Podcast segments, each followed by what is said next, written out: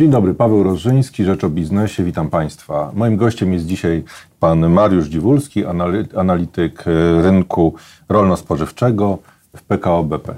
Witam Pana. Dzień dobry. E, proszę powiedzieć, dlaczego żywność tak drożeje? W lipcu ceny, wręcz, ceny, ceny żywności wręcz wystrzeliły. Prawie 7% wzrostu w skali roku, no to Dawno nie, nie widzieliśmy takich wskaźników. Tak, według, według GUS ten wzrost detalicznych cen żywności wyniósł 6,8% w lipcu w relacji rocznej. E, to był najszybszy wzrost e, od e, maja 2011 roku, czyli od, od ponad 8 lat.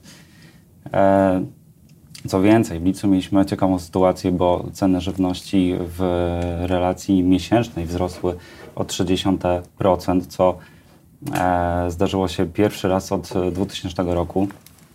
E, szacujemy, że największy wpływ e, na, na ten wzrost i na tę nietypową sytuację miały ceny warzyw, które według naszych ocen wzrosły w lipcu o ponad 35%.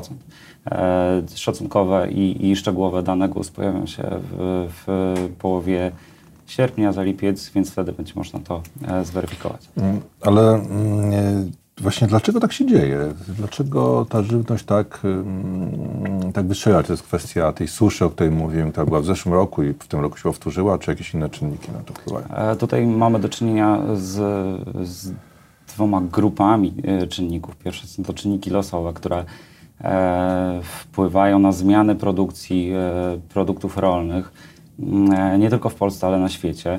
E, w ubiegłym roku mieliśmy do czynienia ze spadkiem zbiorów zbóż w skali światowej.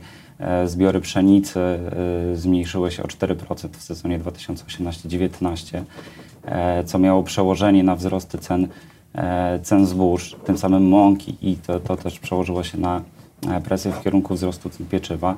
W pierwszej połowie 2019 roku E, ceny pszenicy w skupie były wyższe o 21% rok do roku, więc to był dosyć e, pokaźny wzrost. E, w przypadku warzyw mieliśmy do czynienia z suszą na, na terenie kraju, która spowodowała, że zbiory warzyw gruntowych w 2018 roku zmalały o 10% rok do roku. Wskutek tego ceny, ceny warzyw bardzo mocno drożały. Dodatkowo tych warzyw e, było mniej nie, nie, tylko w Polsce, ale też w innych krajach Unii Europejskiej, e, co spowodowało to, że zapotrzebowanie na, na warzywa wzrosło. E, na przykład cebula, której wyprodukowaliśmy około 15% mniej w 2018 roku, w wyniku spadku zbiorów w Holandii, która jest największym eksporterem i producentem w Unii, spowodowały to, że nasz eksport mimo spadku zbiorów wzrósł w tym, w tym sezonie. E, to spowodowało to, że zapasy tych starych, ubiegłorocznych warzyw e, zaczęły dosyć Czyli zagranica zaczęła wysysać nas. E, tak, zaczę, te zapasy warzywa, zaczęły, tak? zaczęły maleć i, i ten, ten wzrost w końcówce sezonu przyspieszył. Co więcej, też mieliśmy do czynienia z, z obuzieniem siewów przez warunki pogodowe w tym roku, co spowodowało to, że ten e, sezonowy spadek cen, który mamy e, w, w, normalnie w lipcu każdego roku, on mógł się trochę przesunąć. Dlatego też e, mm, można sądzić, że ten spadek że te ceny żywności osiągnęły szczyt w, w lipcu i, i w, w, sierpniu już, już możemy oczekiwać nie, nie, niewielkiego spadku cen żywności w relacji rocznej. Mhm. Ciekawy ten, jest ten wątek globalizacji takiej rynku żywności, tak, że tak naprawdę mm, wystarczy, że, że gdzieś indziej też będzie, będą, będzie no, niedobór jakichś produktów i, i w tym momencie no, my eksportujemy. Z kolei e, importować w tym momencie pewnych produktów nie za bardzo, nie za bardzo możemy, jeżeli na przykład w Europie Zachodniej y, też mieliśmy ciężką mhm. suszę, tak? I mamy też wątek Chin chociażby, które bardzo dużo też kupują, zwłaszcza mięsa ostatnio, prawda? E, dokładnie, bo jeżeli chodzi o rynek owoców i warzyw, on jest bardziej lokalny i to, co się dzieje na rynku krajowym, mm, e, ma zdecydowany wpływ na, na ceny, ceny tych kategorii e, żywnościowych. Natomiast w przypadku zbóż i też wieprzowiny dużo, duży wpływ ma na to y, sytuacja na rynkach światowych. I w przypadku wieprzowiny y, bardzo duży spadek pogłowia w Chinach, które y, są największym producentem wieprzowiny i konsumentem na świecie z powodu ASF. Mm, ta produkcja dosyć mocno zmalała. Po głowie świń w 2019 roku zmniejszyło się o 23% rok do roku. Jest to pod względem wolumenu pogłowia jedna trzecia tego, co utrzymujemy w Unii Europejskiej. Więc zapotrzebowanie na wieprzowinę w Chinach było bardzo duże. Mm, eksport w pierwszych pięciu miesiącach 2019 roku wzrósł o ponad 40%, co naturalnie przełożyło się na wzrost cen. W maju ceny, ceny skupu trzody chlewnej e, wzrosły o blisko 30% mm, e, rok do roku. To też się przekłada na ceny detaliczne. E, wieprzowina według danych GUS w, w czerwcu była droższa o 11% rok do roku. Ja próbuję zrozumieć fenomen pietruszki, która, której się ostatnio dużo mówi, bo podrożała do 20 paru złotych y, za kilogram y, w maju. Teraz daje się troszeczkę potaniała, ale, ale no, taki skoki. Cena y, ponad 20 zł za kilogram pietruszki za coś, co nie jest specjalnie smaczne, nie oszukujmy się. E, I kosztuje więcej niż jakieś wyjątkowo egzotyczne owoce, no to jest dosyć szokujące.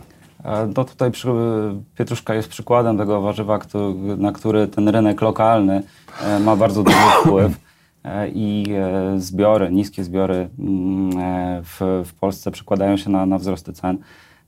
Też jest, jeżeli chodzi o to warzywo, jest bardzo trudnym warzywem w uprawie. Ta susza bardzo przeszkadza we wzroście i też w kształtowaniu jakości pietruszki, stąd te dynamiczne wzrosty cen. Natomiast Mm, e, jej udział w strukturze konsumpcji jest, niewielki. Ona się stała takim mm, przykładem e, wzrostu cen e, medialnym, tak jak, jak to było w przypadku masła w dwóch poprzednich mhm. latach. No, w zupie, w zupie musi być jednak, no tak.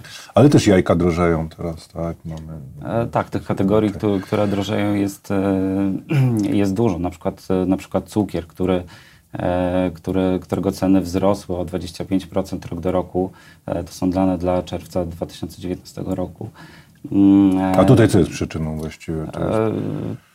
Kwest, to jest kwestia bazy, bo mieliśmy dosyć duże spadki mhm. cen w 2018 roku z powodu uwolnienia rynku cukru, Aha. zniesienia regulacji na, na tym rynku.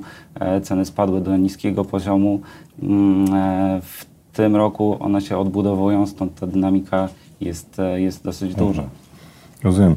A mm, proszę powiedzieć, e, czy państwo coś może w tej dziedzinie robić? Czy tutaj mamy po prostu wolny rynek i, i no niestety musimy się z tym godzić, a czy państwo może robić jakieś, jakieś wykonać jakieś ruchy, które trochę złagodzą te skoki cen?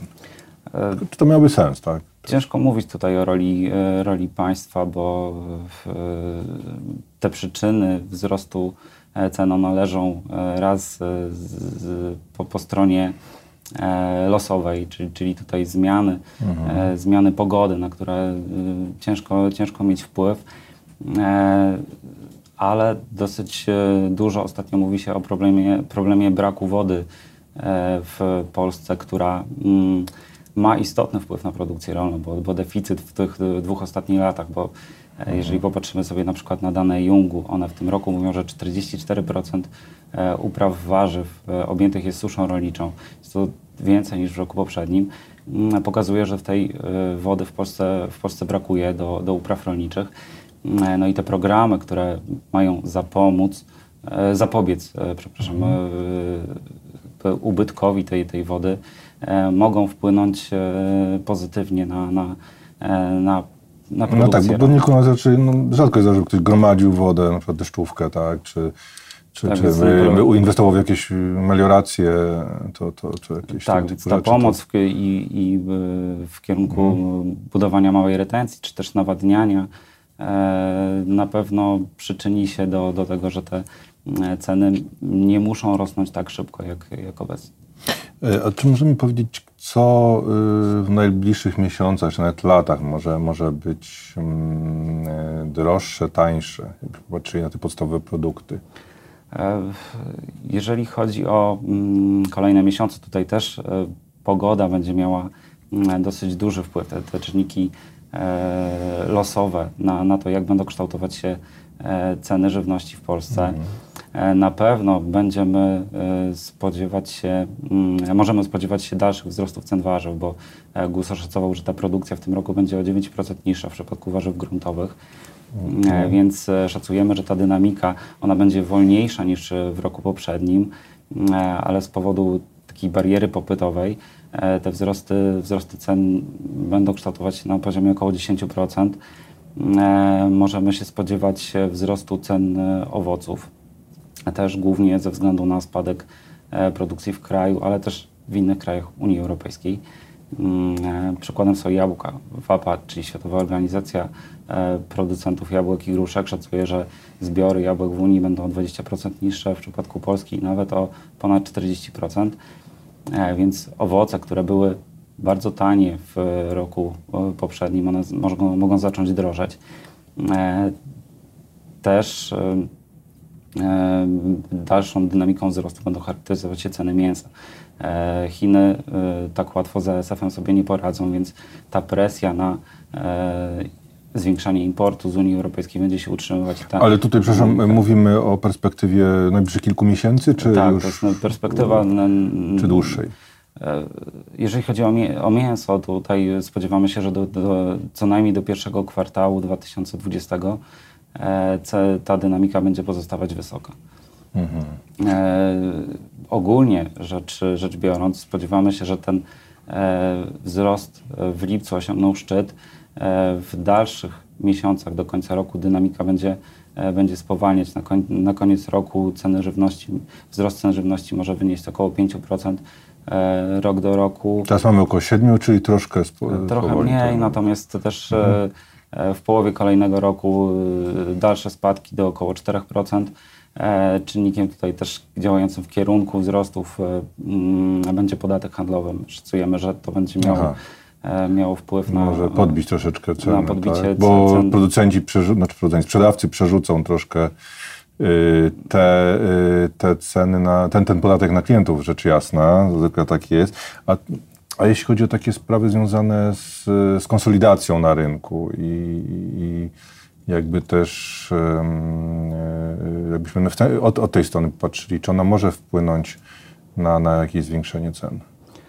e, na zwiększenie cen. e, konsolidacją w przetwórstwie, konsolidacją w skupie, konsolidacją, nie wiem, czy być może rolnicy będą coraz częściej kupo- e, sprzedawać swoje płody, organizować się lepiej, tak, i sprzedawać e, większych Tak, ilości. jeżeli popatrzymy sobie na sektor e, tej produkcji pierwotnej, czyli na rolników, e, oni są dosyć słabo zorganizowani w, w porównaniu do pozostałych graczy na rynku, na przykład do sieci handlowych czy też przetwórców.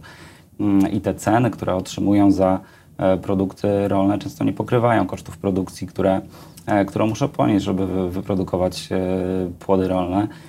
E, Stąd też e, ta konsolidacja na pewno jest takim kierunkiem dobrym dla rolników. Na, na, na pewno e, po- pozwala, pozwoliłaby zwiększyć, zwiększyć ceny otrzymywane przez nich.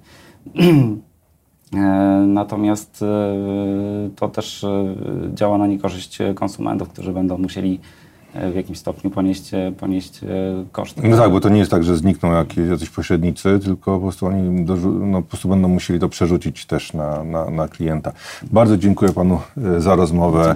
Moim gościem był pan Mariusz Dziwulski, analityk rynku rolno-spożywczego w PKO BP.